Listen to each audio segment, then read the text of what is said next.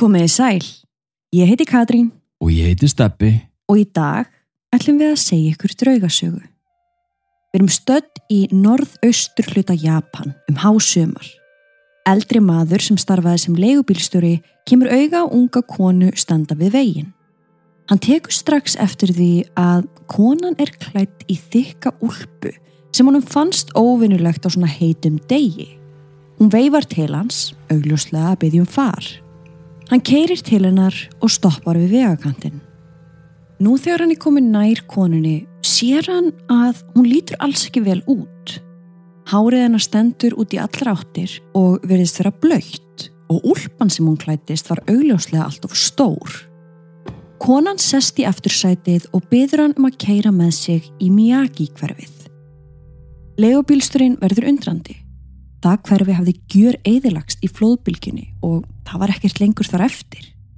Hann upplýsir konuna um að hverfið væri ekki lengur til og spyr hana hvort hún sé örglega vissum að hún vilji fara þangað. Konan segir ekki neitt og leigubílsturinn starir fram fyrir sig á meðan hann býður eftir skipun frá konunni. Eftir langa þögn lítur hann í baksíni speilin og sér þá hvernig konan starir á hann tilbaka.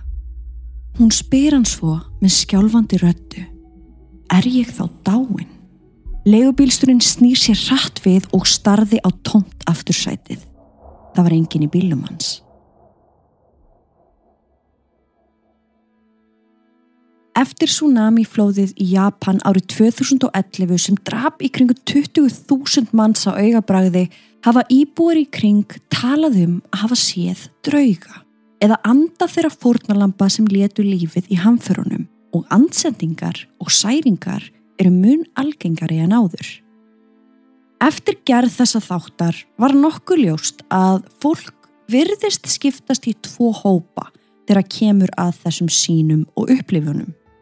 Það er fólk sem trúir, þeir sem hafa séð eitthvað yfir náttúrulegt eða orðið vittn af því og svo eru það þeir sem að trúa ekki og segja að allt séu þetta enginni áfallastreitur öskunar sem margir þjást af eftir þegar hann skyndilega og hróttalega harmleik.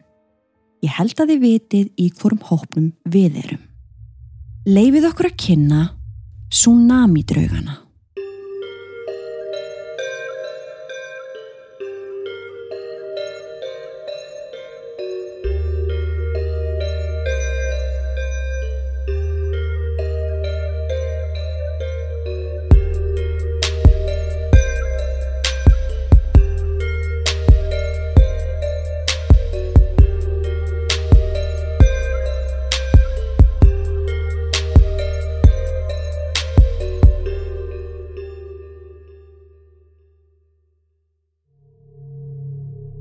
Við viljum minna á að draugasöðunar okkar eru ekki við hæfi barna yngri en 13 ára nema með leifi fullorna.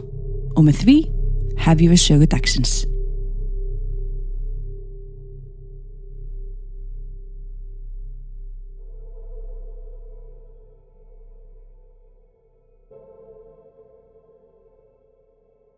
Klukkan 14.46 þann 11. mars árið 2011 var skjálti á 32 km dýpi við norðaustur hluta Japans.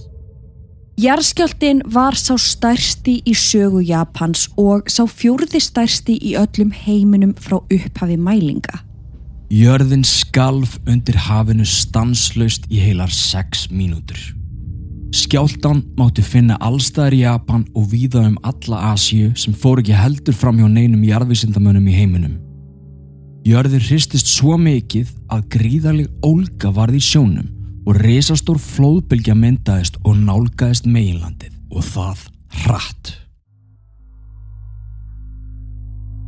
Íbúar sem enn voru að ná áttum eftir jarðskjáltan fengu aðeins örfára mínútur til þess að undibúa sig undir það sem var framundan eftir að neyðarbóð barst öllum farsímum á svæðinu.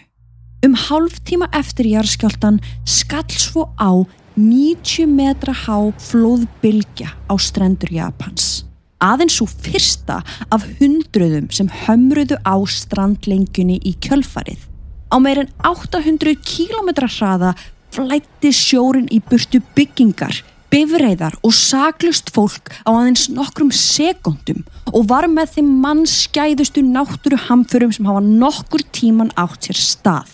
Fjölmargir eftirskjáltar fylgdu í kjölfarið á meðan íbúðir, skólar og vestlanir og fleiri staðir fylltust af sjó. Talið er að sjórin hafi skólaði burtu yfir 5 miljón tonnum af rusli og meiri hlutin að því sökk samstundis eða skall aftur á landið með næstu öldum. Við látum einhverju vídeo fylgja. Náttúrulega við gerð þessa þáttar þá erum við búin að horfa á ótrúlega mikið efni, það er ótrúlega mikið efni til á Mhm. netinu, mörg vídeo, þeir eru eflust sjálf búin að horfa á eitthvað Já, en að þið vilji algjörlega fara inn í þessa sögu þá mæli ég með að þið kíkið aftur. Hlustað á allan þáttinn inn á áskriftasíðinu okkar patreon.com skástrík draugasögur. Það er auðveldar en þú heldur og fáðu aðgang að yfir 350 þáttum, rannsóknum okkar, sönnunagögnum, viðtölum, mymböndum og okkar geysi vinsalu mánudags mínisögum ásamt alls konar aukaefni. Allt saman strax við skráningu. Engin binding og meiri sem sér app fyrir alla þættina til að auðvelda þér aðgengið. Svo eftir hver er þetta býða? Vilt ekki vita hvernig sagan endar?